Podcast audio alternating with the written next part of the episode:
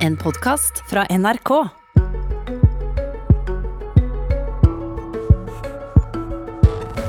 Flere filmselskaper frykter konkurs og milliontap.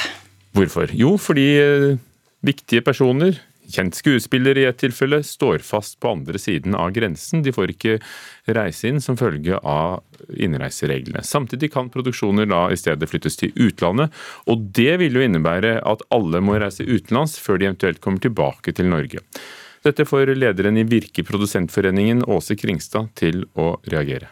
Det burde kunne gå an å lage unntaksbestemmelser for eh, filmproduksjoner som skal hente inn enkeltarbeidere fra utlandet for å gjennomføre i Norge. Og det er fordi at det er så trygge rammer for hvordan dette her skal gjøres. I går fortalte NRK om filmen Made in Oslo, som taper en halv million kroner daglig fordi hovedskuespiller Jakob Cedergren blir nekta innreise fra Danmark til Norge. Også flere store norske produksjoner har nå stans som følge av innreiseforbud, og taper til sammen flere titalls millioner kroner, samt frykter for konkurs. En av dem er selskapet Mer Film, som står bak kanskje tidenes største norske spillefilm, Krigsseileren. Hvis dette innreiseforbudet da fortsatt vedvarer, og det ikke er mulig å søke unntak for filmarbeidere, så eh, vi, står vi i stor fare for at hele produksjonen går over ende. Og det vil jo selvfølgelig være helt katastrofalt. Det forteller produsent og eier i Mer Film, Maria Ekerhovd. De begynner med innspilling her til lands i sommer, og hvis de ikke får hente inn fagsjefer fra Tyskland innen da, kan hele produksjonen gå i vasken. Og de kan tape opp mot 100 millioner kroner. Det betyr at Veldig mange folk mister jobben sin, og ja, at er enorme konsekvenser for oss som produksjonsselskap selvfølgelig, og alle, alle, som er involverte. Per dags dato er det bare noen få utenlandske arbeidere som kan bidra med nødvendig teknisk kompetanse i oljenæringa, som får unntak av restriksjonene. Men norske arbeidere kan reise til utlandet. Jeg tenker jo Det er jo det absurde i det alle må jo inn i karantene når de kommer til landet likevel. Og at det skal være så stor forskjell på å få inn én til Norge versus å ta et arbeidslag ut av Norge og så inn igjen, det er rart. Både Kringstad og Ekerhovd har full forståing for at smittesituasjonen er krevende, og at en må ha tiltak deretter. Men Det har jo vært eh, gjennomført innspillinger i Norge i hele denne koronaperioden. Og vi har ikke hatt eh, store smitteutbrudd noe sted. Dette er en veldig godt ivaretatt smittevern. Statssekretær i Næringsdepartementet, Lucy Katrine Sunde Eidem, har forståing for at mange blir ramma av de strenge innreiserestriksjonene. Så vil vi selvfølgelig vurdere mulige endringer i disse tiltakene og i unntaksordninga. Det er vurderinger som blir gjort fortløpende og er basert på en rekke forhold, bl.a. effekten av tiltak mot importsmitte, og hva slags funksjoner som vurderes som mest kritisk å opprettholde. Jeg mener at det er viktig at vi klarer å holde liv i kulturnæringene våre, også i en så krevende situasjon som nå. Selv om når man setter opp mot andre næringer, så er kanskje ikke milliontapet så stort i vår bransje som i kanskje noen andre. Men likevel veldig alvorlig for norsk produksjonsbransje om man blir så hemmet av sånne enkle, små grep som dette her. Åse Kringstad i Virke Produsentforeningen, reportere Oda Elise Svelstad, det var henne vi hørte i reportasjen, og Kristine Hirsti. Mangelen på mangfold i mediene er jo en stadig tilbakevendende diskusjon. Hvordan står det til med pressefotografiet? For noen dager siden ble årets bilde kåret, og på listen over nominerte og vinnere var det nesten bare hvite menn. Foto- og videojournalist Marte Christensen, velkommen. Takk for at jeg fikk komme. Du er nyvalgt leder i Pressefotografens klubb, en nesten 90 år gammel interesseorganisasjon for fotojournalister. Fagbladet Journalisten har gjort et poeng av at du er den første kvinnelige valgte lederen. Er det et poeng i 2021? Altså, Uavhengig av om jeg er kvinne eller mann, så mener jeg at det er et poeng at vi løfter fram debatten. Eh, og jeg har jo reflektert veldig mye på dette gjennom mine 20 år i bransjen. Eh, hva gjør det med arbeidsmiljøet at det er såpass mannsdominert? Og ikke minst, hva gjør det med bildene vi tar, at eh, så mange av de fast ansatte fotografene er hvite menn? Ja, hvordan tror du det påvirker bildene vi ser? Jeg tror faktisk det påvirker mer enn vi er klar over. Og det er ikke sånn at man kan se fra bilde til bilde om det er en mann eller kvinne som har tatt hvert enkeltbilde, men det er helheten. Og da altså det mannlige blikket som vi egentlig møter rundt i samfunnet, både i film og andre også visuelle Eh, medier, eh, som da får dominere. Og, det tror jeg skal, på en måte kan være skadelig for mangfoldet og for eh, brillene de, vi ser gjennom. og Eh, eh, og det kan også påvirke over langen da, hvilke temaer som blir belyst. Hvilke historier som fortelles. Ja, og hva vi ikke ser. Ja, men hvorfor er det sånn? Eh, mediene liker jo å tenke på seg selv som bevisst og opptatt av kjønnsbalanse i redaksjonene, og ikke minst ellers i samfunnet. Så hvordan har vi havnet der?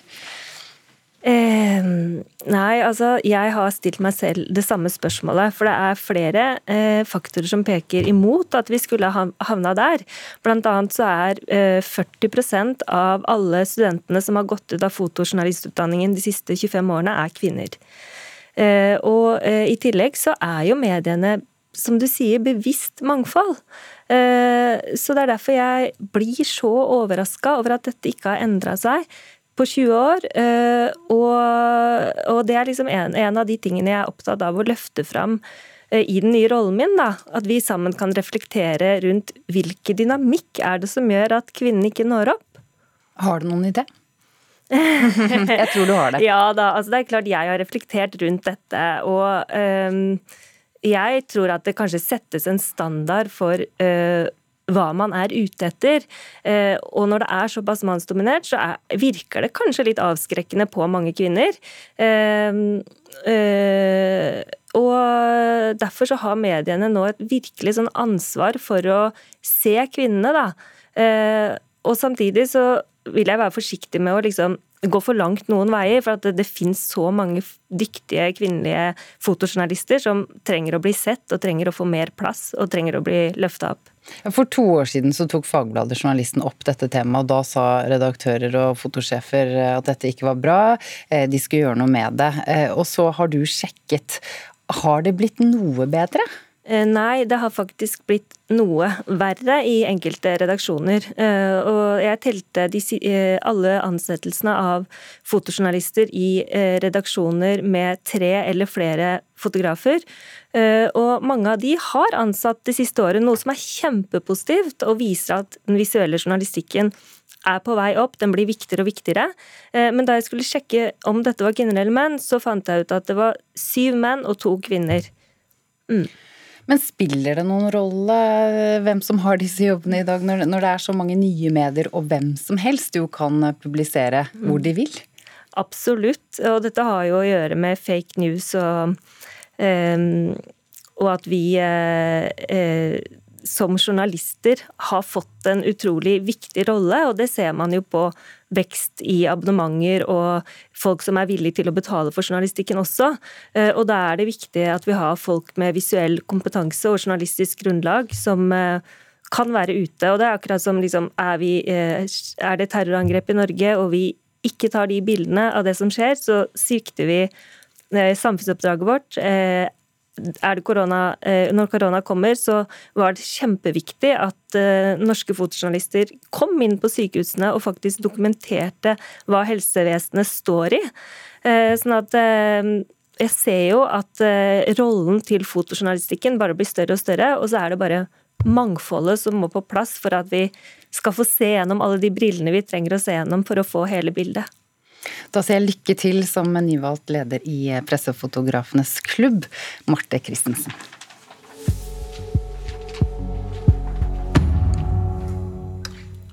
Stortingsrepresentant for Arbeiderpartiet fra Troms, Cecilie Myrseth, blir truet med et søksmål etter at hun har uttalt seg om en pågående konflikt ved Nordnorsk kunstmuseum i Tromsø. Konflikten begynte da museets direktør fikk sparken på dagen for et år siden. Denne oppsigelsen endte i en rettssak som direktøren tapte, men eh, uroen rundt eh, den avgjørelsen tar ikke slutt. Denne uken ble altså Cecilie Myrseth på Stortinget sitert i avisen Nordlys om påstander om antisamiske holdninger i styret, eh, som kom frem under rettssaken, at det ikke kan aksepteres i noen form. Dette fikk museets styreleder til å reagere, og i går ble Myrseth bedt om å trekke uttalelsen, hvis ikke kan det ende med søksmål og ny rettssak. Agnes Moxnes, kulturkommentator. Denne saken om oppsigelsen av direktøren er avgjort i rettssystemet. Hvorfor fortsetter striden likevel? Det sier jo først og fremst noe om hvor betent situasjonen er ved Nordnorsk eh, kunstmuseum, og at eh, museets eh, styre og for museets styre, som ledes av Høyre-politikeren Grete Ellingsen. Og så er det ikke tilfeldig at det er spørsmålet om hvilke holdninger man har til samisk, det samiske, som har fått styret nå til å true en stortingsrepresentant med, med søksmål i rettssalen, rettssaken som, som ble, ble, reist mot styret i museet nå i februar, så kom det bl.a. frem en del påstander om at styrelederen syntes det ble litt mye fokus på det samiske. Men det Grete Ellingsen frykter mer enn noe annet, vil jeg tro, det er jo at det skal feste seg et inntrykk av at hun sa opp direktøren fordi hun mislikte hans samiske satsing. Eh, og nå tolker hun Arbeiderpartipolitikerens uttalelser til Nordlys som at eh, det hun sier er at eh, styreleder og, og styret har antisamiske holdninger. Og det er selvfølgelig et stempel som de færreste norske politikere vil ha på seg. Hva kan denne konflikten gjøre med omdømmet til Nordnorsk kunstmuseum? Altså, det har vært et voldsomt negativt kjør mot eller rundt eh, Nordnorsk eh, kunstmuseum hele dette siste året. Eh, og veldig mye har handlet om måten styret håndterte nettopp denne oppsigelsen av direktøren sin, Jeremy McGowan. Han ble jo sagt opp på dagen for et år siden. Eh, og Det som har skjedd etter det, er jo at styret ikke har klart å gjøre det som er styrets viktigste oppgave, nemlig å få ansatt en ny direktør.